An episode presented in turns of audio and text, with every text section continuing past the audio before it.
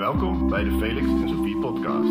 Denk je na het luisteren, daar wil ik meer van? Kijk even op onze website of onze Facebookpagina voor aankomende evenementen.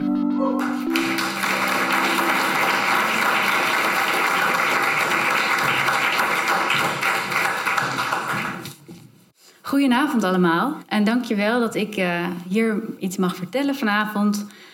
Um, vind ik heel erg leuk. Ik wil het vanavond graag uh, met jullie hebben over de vraag: wat betekent het om mens te zijn in het Anthropoceen? Ik wil graag beginnen met een, uh, een inleidend citaat van Sylvia Winter. Zij is filosofe. Um, en zij zegt iets over de mens. Ik lees het voor, je kan meelezen op het scherm achter mij. Human beings are magical, bios and logos, words made flesh, muscle and bone, animated by hope and desire. Belief materialized in deeds, deeds which, which crystallize, crystallize our actualities. And the maps of spring always have to be redrawn again in undared forms. Einde van het citaat. Sylvia Winter stelt voor om mens zijn te begrijpen als praxis, als een praktijk. Wij zijn als het ware een verhalenvertellende soort en dat, is, dat ligt aan de basis van ons ontologische bestaan. Straks kom ik terug op, de theorie over, haar theorie over het mens zijn. Uh, maar nu wil ik over, over naar het thema van vanavond: de ecocatastrofe en de mens. Uh, de rol van de mens die hierin ligt. Um, nog meer fijne plaatjes en uh, cijfers. Um, om te beginnen, we zien hier een schema met uh, vijf eerdere uitstervingsgolven. Uh, waarvan de eerste rond 440 miljoen jaar geleden begon. Uh, en de vijfde ongeveer 60 miljoen jaar geleden plaatsvond, waarbij de dinosauriërs uitstierven. En bij zo'n golf stierf ongeveer 80 en soms meer, 95 procent van al het leven op aarde uit. Um, en er worden verschillende oorzaken genoemd. Daar ga ik verder niet op in, maar sommige zijn duidelijker uh, zichtbaar voor wetenschappers dan andere. Volgens natuur- en klimaatwetenschappers zijn we inmiddels aangekomen bij de zesde uitstervingsgolf, zoals we net uh, van Sophie hoorden. Iedere dag sterven er rond de 100 uh, soorten uit per dag, van amfibieën en planten tot zoogdieren en insecten. De voorspellingen zijn grimmig. Rond 2050 zo ongeveer 25% van alle soorten zijn verdwenen. Nu zijn er twee fundamentele verschillen tussen die eerdere vijf uh, uitstervingsgolven en de zesde. Namelijk één, we zitten er middenin. Uh, we kunnen het onderzoeken, we kunnen het meten, we kunnen het proberen te begrijpen. En twee, het menselijke, het menselijk handelen wordt dit keer aangewezen als de grootste oorzaak. In het jaar 2000 stelde de Nederlandse geoloog Paul Crutzen uh, voor om het huidige uh, tijdperk waarin we leven het Anthropoceen te noemen. Letterlijk betekent dit het tijdperk van de mens, uh, the era of mankind. De mondiale transformaties in de atmosfeer en in de biosfeer die zijn op dit moment zo groot dat we ons niet meer in het relatief stabiele klimaat van het Holoceen bege begeven, maar dat begon 11.000 jaar geleden.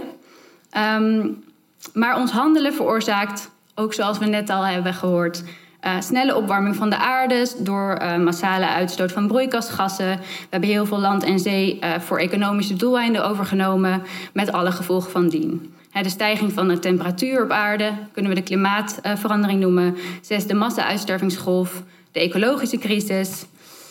we zien massale verwoestijning, um, zeespiegelstijging en heftige weersomstandigheden, om maar een paar te noemen. Het menselijk handelen is dus letterlijk terug te zien in de geologische aardkorst. Uh, en die laat een afdruk achter die uh, de komende miljoenen jaren zichtbaar zal zijn. Oftewel, mens en natuur zijn niet meer van elkaar te scheiden, letterlijk. Tot zover de, uh, de natuurwetenschappelijke kant. We kunnen het Anthropoceen, behalve als een, geologisch, een geologische werkelijkheid, een tijdperk, ook zien als een dominant verhaal. Een populair wetenschappelijk narratief waarmee we de klimaatcrisis proberen te begrijpen. En door te kijken naar dit verhaal kunnen we inzicht krijgen in de manier waarop we onszelf, de mens, maar ook de natuur verbeelden en begrijpen. Dus ik stel voor om een, een, stap terug te zetten en om ons heen te kijken. En ook vooral om naar onszelf te kijken. Wat zijn eigenlijk de handvaten die we hebben om deze vraag, wat betekent het om mens te zijn, te beantwoorden? Welke concepten, ideeën en verbeeldingen hebben we tot onze beschikking in ons culturele archief uh, om een antwoord te zoeken op die vraag? En stroken die wel met de data van de klimaatwetenschappers en dienen ze ons nog wel om tot adequate en rechtvaardige antwoorden te komen op deze ecocatastrofe? Dus met Sylvia Winters quote in ons achterhoofd, waar ik straks op terugkom, wil ik nu kijken naar, naar dit concept, dit narratief van het Anthropoceen, uh, dat de universele mensheid als motor aanwijst voor deze ecologische ontwrichting. Even kort, uh, even kort de planning. Uh, ik wil beginnen, dus zoals ik zei, met dominante mensbeeld in het Anthropoceen. Dan gaan we kijken naar Sylvia Winters humanisme. En als laatst wil ik weer kijken naar die ecocatastrofe met het begrippenkader dat zij ons uh, biedt. Duurt een klein half uurtje.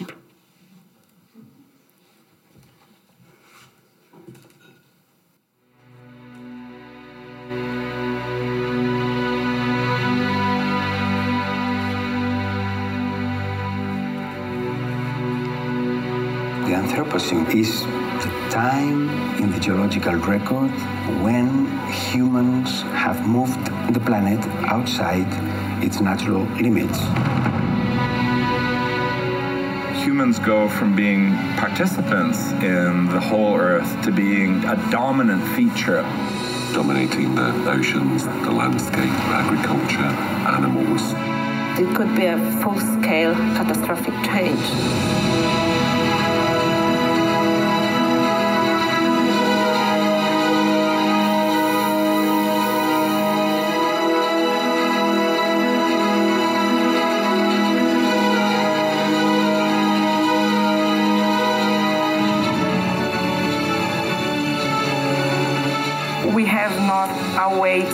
Back. We live now in a different world.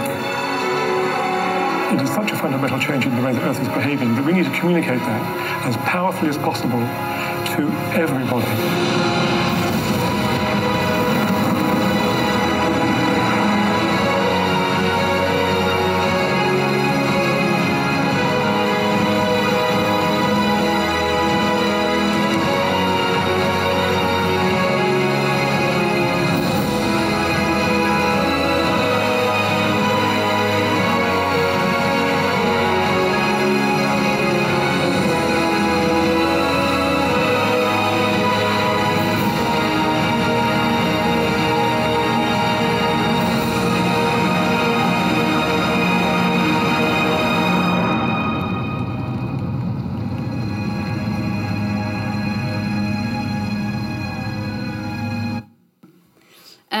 Hier een trailer van een documentaire die heet uh, The Anthropocene, The Human Epoch. Uh, mijn vraag hierbij is, hoe wordt hier de mens verbeeld? Hoe wordt de mens hier voorgesteld? Um, nou, wat hoorden we? Wat hoorden we ze vertellen?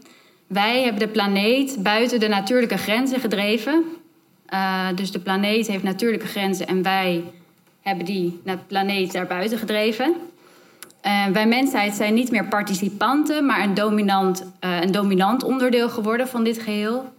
Uh, en als het ware, natuur en mens zijn dus gescheiden werelden. Hè? De ene is, heeft inderdaad impact op iets anders, de aarde.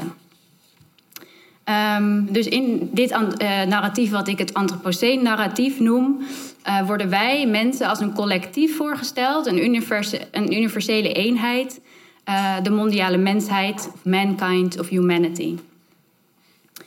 Wat we ook zouden kunnen zeggen is dat we hier de, uh, worden voorgesteld als de duivel op aarde. De oorzaak van een apocalyptisch einde der tijden. Een kwaad dat zich als het ware in de definitie van het mens zijn zelf heeft genesteld. De mens als oorsprong van de catastrofe, dat is nogal wat. Vandaag ben ik niet uh, op zoek naar de vraag of we nu echt in dat antropoceen leven of niet. Maar uh, ik ben benieuwd naar die genoemde oorzaak, de mens. En hoe zien we dat eigenlijk? Mijn vraag daarbij is. Nu we weten dat er door menselijk handelen per dag meer dan 100 plant- of diersoorten uitsterven, wat is dat dan, die mens?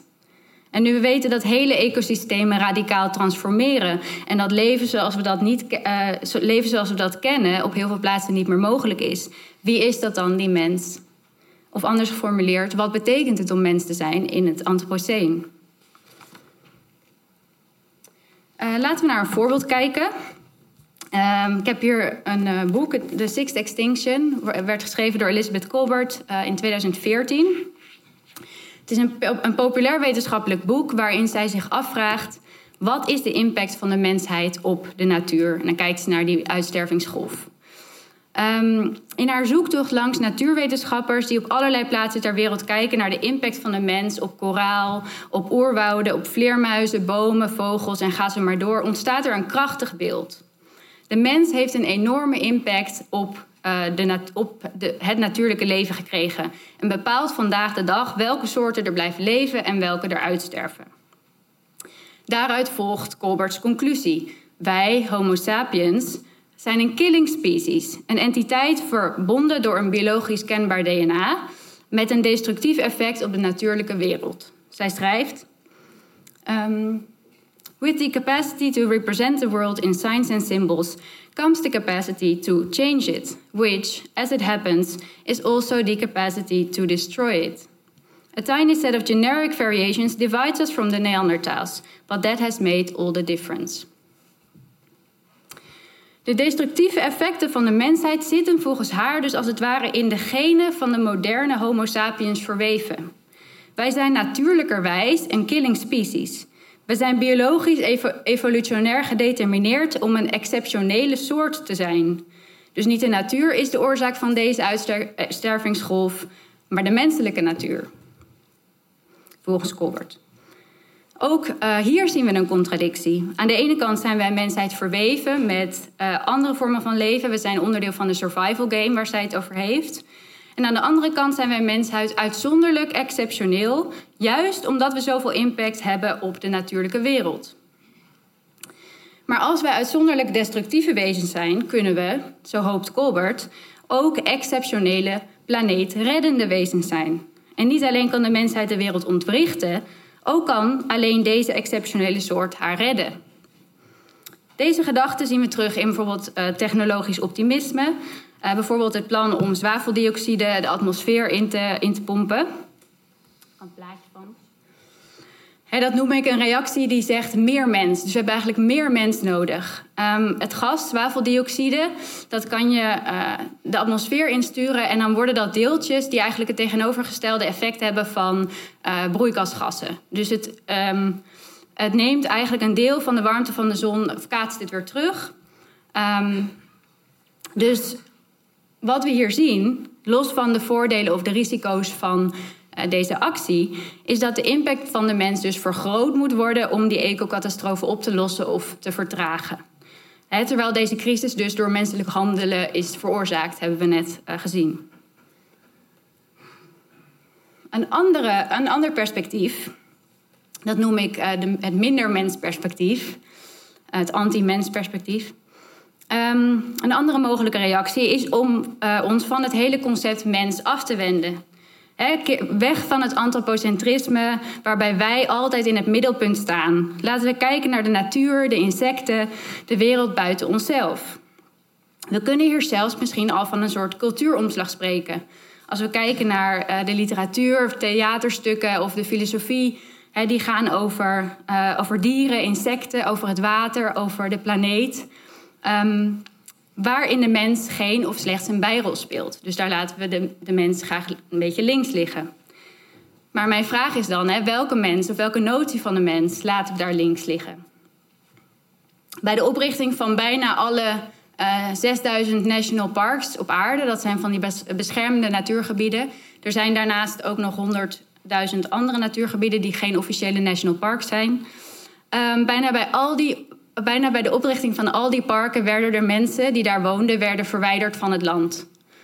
De VN wil dit jaar 70, hè, hun doel, het doel van de VN is dit jaar om 17% van al het land op aarde tot een, beschermde, een beschermd gebied te maken. En uh, je ziet daarbij dat de meest kwetsbare communities die, hè, dat, die daar wonen, die dus uh, ontheemd raken, die moeten daar vandaan, die kunnen daar niet wonen. Um, want volgens dit narratief is natuur iets waar de mens niet bij hoort. Dus als mensen daar wonen, dan moeten zij daar weg. Want het is beschermd voor de diersoorten uh, of een kwetsbaar ecosysteem. Ook bij dat ecosysteem horen de mensen daar uh, volgens dit narratief niet thuis. Nou, daar gaat heel veel geld in om. Uh, dus het is ook aantrekkelijk voor overheden. We zien het in Centraal-Afrika veel gebeuren. In de Filipijnen, Argentinië, Ecuador, Mongolië. Op heel veel plekken ontstaan dit soort gebieden. He, dus in naam van de natuur, maar mensen horen daar dus niet bij. Um, kijken we daarentegen naar het activisme van environmental justice movements. Die hebben ook een hele lange geschiedenis dan zien we dat daar juist de toegang tot voedsel en schoon water uh, of het behoud van leefgebied centraal staat. Dus milieu- of natuurkwesties zijn hier uh, onlosmakelijk verbonden met de sociale strijd en ongelijke machtsrelaties. Iets dat heel moeilijk wordt als we de mensheid als een universeel geheel zien of als we helemaal voorbij willen gaan aan die mens. Dus mensenrechten en natuurrechten wordt als het ware tegenover elkaar opgezet. Hier zien we um, een nieuwsbericht uh, over protesten in Brazilië van het afgelopen jaar. En hier zegt een indigenous leader, uh, Sonia Guajajar... Uh, we, don't, we don't just fight for constitutional rights, we fight for the right to exist. Dus dat gaat over deze thema's. dus ik vraag me af, welke natuur willen we eigenlijk redden? Wiens levens worden hiervoor opgeofferd? En welk mensbeeld ondersteunt dit anti-mensbeleid? Dat zijn de vragen die, die ik daarbij stel. Dus nu we een idee hebben van verschillende implicaties van dat antropoceen-verhaal, of verschillende reacties die mogelijk zijn, uh, kunnen we het volgende stellen. We zien als het ware twee zijden van dezelfde medaille. Een menshatend en een mensverheerlijkend narratief. In beide worden de aarde en de mensheid uit elkaar gehaald en weer is de natuur de passieve achtergrond van het menselijk handelen. Dus een gevolg van de, van de notie van de mensheid dat natuurlijkerwijs een dodende, al dan niet een reddende soort is, is dat wij dus nooit onderdeel kunnen zijn van de natuur. Want we zijn er tegen, we staan er achter, we staan er boven, maar we zijn er geen onderdeel van.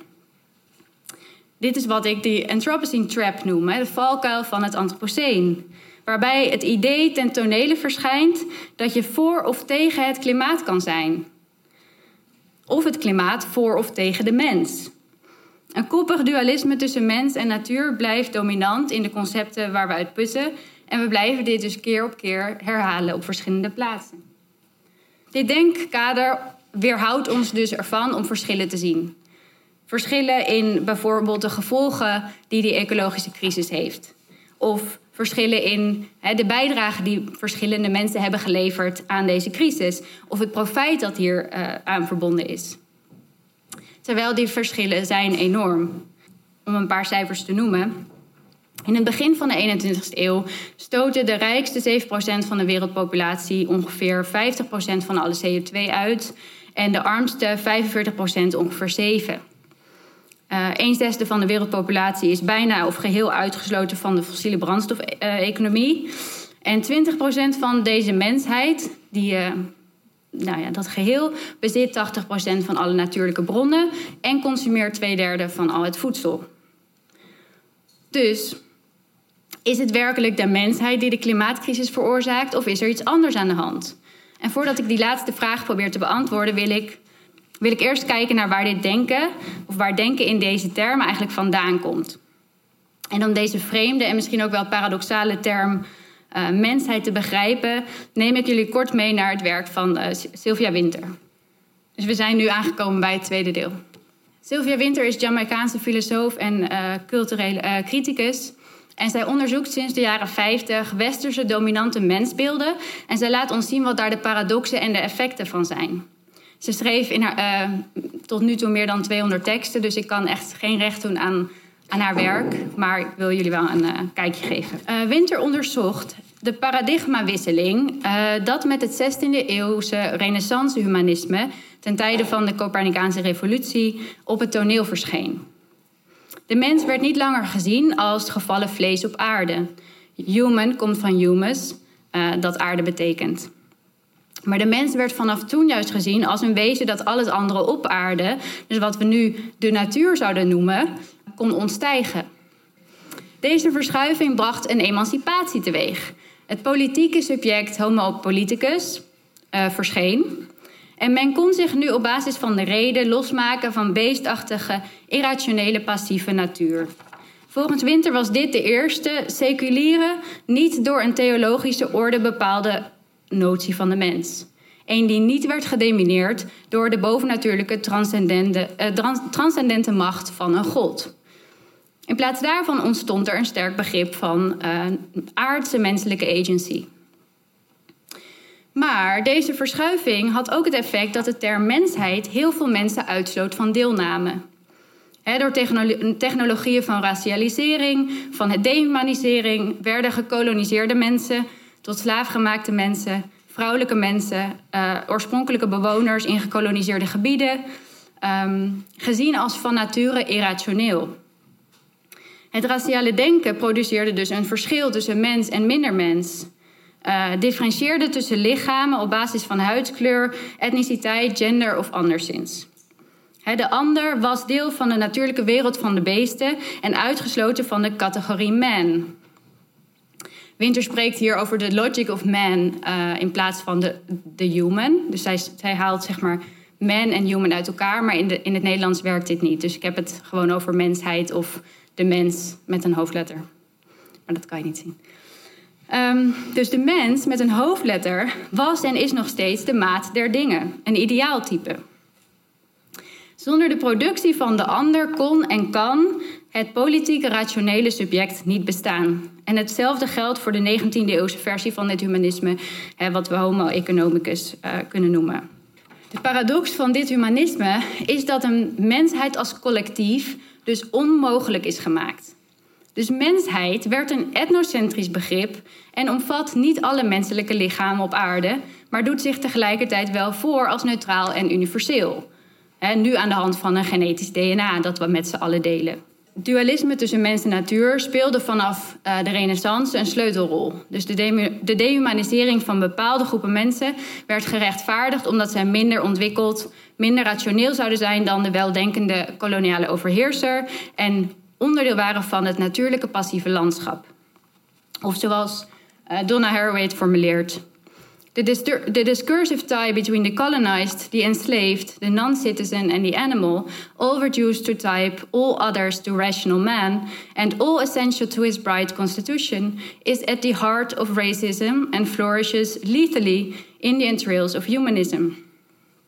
Met andere woorden, de koloniale overheersing en de daaruit volgende genocide en ecocide um, werd mogelijk gemaakt en gerechtvaardigd door het begrip van wat het betekent om mens te zijn en wie zich onder deze categorie kan scharen.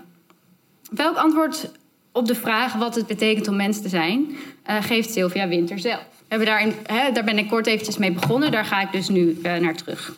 Door verschillende mensbeelden te onderzoeken laat Winter zien dat de notie van de mens verschilt van plaats tot plaats en van tijd tot tijd. Overal op de aarde zijn mensen verhalenvertellers. En overal wordt met behulp van origin stories, oorsprongsverhalen, een begrip gevormd van wie we zijn en wat we zijn en waar we vandaan komen en waartoe we hier zijn. Denk aan een avond als deze, bijvoorbeeld. Het antwoord dat dan gegeven wordt op de vraag wat het betekent om mens te zijn, is daarom altijd genre-specifiek. Zo noemt zij dat. Met andere woorden, de manier waarop wij onszelf als het ware opvoeren, uitdrukken en vormgeven in relatie tot anderen en de wereld om ons heen, is afhankelijk van de context van waaruit we spreken, denken en van waaruit we zin geven aan het leven. En om deze, uh, onze concepten en oorsprongsverhalen vormen en reguleren en als het ware worden wie en wat wij zijn als mens. Wie en wat wij zijn als mens. Je kan hierbij ook denken aan uh, Simone de Beauvoir's beroemde citaat: Je wordt niet als vrouw geboren, je wordt tot vrouw gemaakt. Je wordt dus met een lichaam geboren, maar alle sociale en culturele codes die je nog gaat leren, die maken je tot mens, uh, maar op een hele specifieke manier. Mens zijn is dus niet een staat van zijn waarin je wordt geboren, maar een subject dat wordt geproduceerd. Op die ene vraag, wat betekent het om mens te zijn, kan dus geen universeel antwoord uh, worden gegeven. Want het mens zijn is gedifferentieerd. En die pluraliteit aan menszijnspraktijken kunnen we niet reduceren tot een eenduidig narratief. Gelukkig maar. De mens is niet iets, goed of slecht. De mens doet, de mens handelt, de mens denkt en vormt en breekt af aan de hand van een bepaald begrip van zichzelf en van de wereld. Deze praktijk ligt voor Winter in de kern van het mens zijn, being human as praxis. Mens zijn is dan niet eerst iets biologisch en daarna secundair een cultureel-religieuze praktijk. Nee, we zijn een verhalenvertellende soort. Homo narens noemt zij dat. We zijn het allebei, natuur en cultuur. En altijd allebei tegelijk. Zij noemt dit hybride. Dit laat ze overigens zien aan de hand van hedendaags uh, neurologisch onderzoek. Maar daar kunnen we uh, nu even niet op ingaan. Voor een volgende keer. Maar wat voor ons van groot belang is, is dat door het subjectieve karakter van het concept mensheid voorop te stellen, wordt het denkbaar dat de mens die we nu zijn, die we iedere dag zijn, die we uitoefenen en bevestigen, die we herhalen, dat die ook weer zal verdwijnen. Met andere woorden, de praktijk van mens zijn, uh, die antwoorden die we geven op de vraag wat het betekent om mens te zijn, zullen veranderen. En dit lijkt misschien een klein punt over of we onszelf als mens kunnen begrijpen of kennen. Maar ik denk dat die effecten van deze veronderstelling ontologisch ook enorm kunnen zijn. Dus in plaats van een statisch idee van mens zijn, komt er nu iets anders op het toneel. Namelijk, er komt ruimte voor open, nog ongedefinieerde, nog niet gematerialiseerde praktijken van mens zijn en de beide behorende verhalen. En inderdaad, niet iedere praktijk van mens zijn heeft een destructieve impact op de ecosystemen waar zij, uh, waar zij deel van is. Nee, de praktijk van mens zijn die sinds de afgelopen paar honderd jaar dominant is geweest, die heeft het antropoceen mogelijk gemaakt. Maar het is dus niet de essentie van de menselijke natuur om haar eigen leefomgeving, haar eigen bestaansvoorwaarden, het mondiale ecosysteem te vernietigen. Deel 3, we gaan terug naar het antropoceen. Als we terugdenken aan die video, uh, die trailer van die film, dan geeft dat ons een radicaal ander antwoord op de vraag wat het betekent om mens te zijn, dan als we luisteren of als we kijken naar Sylvia Winters humanisme. Als we nu naar het Anthropoceen kijken met haar begrippenkader, dan kunnen we een aantal uh, dingen stellen. Het narratief waarin de mensheid de oorzaak is van de huidige crisis, komt voort uit een bepaalde context en geschiedenis. Een heel specifiek begrip van de mens die verschijnt als universeel, als neutraal en als vanzelfsprekend. Maar het is ook een narratief dat ons ervan weerhoudt om de mens in al haar verschillende praktijken te begrijpen. Klimaatverandering verschijnt hier in dit narratief als onvermijdelijk en het wordt als natuurlijk gepresenteerd. De valkuil is dat de scheiding tussen mens en natuur hardnekkig blijft bestaan. Uh, en dat we gaan pleiten voor meer mens of juist voor minder mens. Maar hoe expliciet die verwevenheid tussen ons en alles om ons heen is, hoe, en hoe expliciet die ook zichtbaar wordt, we blijven dit antropocentrische denkkader herhalen en herhalen. Daarbij ligt, daarbij ligt dit natuur-mens-dualisme ten grondslag aan een humanistisch mensbeeld dat is gestoeld op de dehumanisering van de ander. De paradox is dan dat er per definitie geen gelijkwaardig collectief kan bestaan. Dus uh, stel ik, het etnocentrisme en het antropocentrisme zijn twee zijden van dezelfde medaille. We kunnen ze niet los van elkaar bestrijden. Mijn voorstel is om, als we het over het klimaat te hebben, dus ons ook af te vragen: wat betekent het om mens te zijn? Winter laat ons zien dat mens zijn geen neutrale term is, maar een praktijk die aan verandering onderhevig is. En haar alternatief van Homo narens Vat mens zijn als hybride praktijk. En die laat de verscheidenheid zien en de rijkheid, zowel van wat als wie we zijn.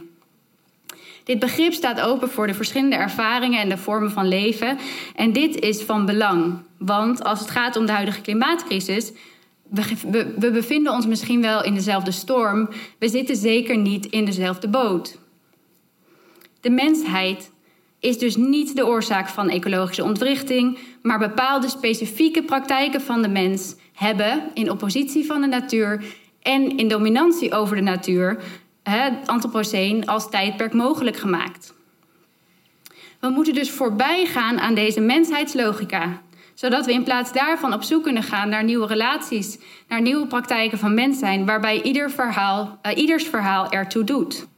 Juist in het klimaatdebat, als we het hebben over de zeespiegel, de ijskappen, de bossen, um, dan moeten we die vraag weer stellen wat mens zijn betekent.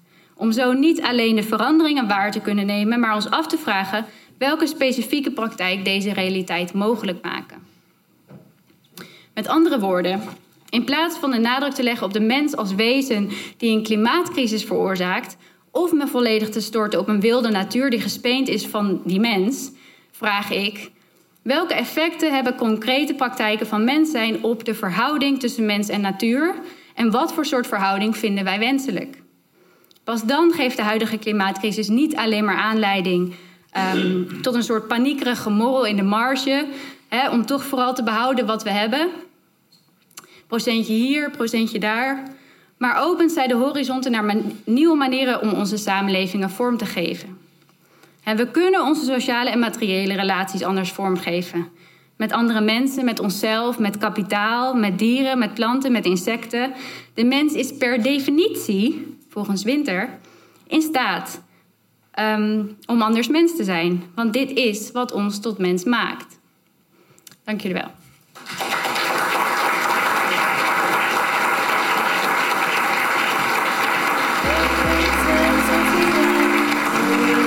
Felix en Sophie.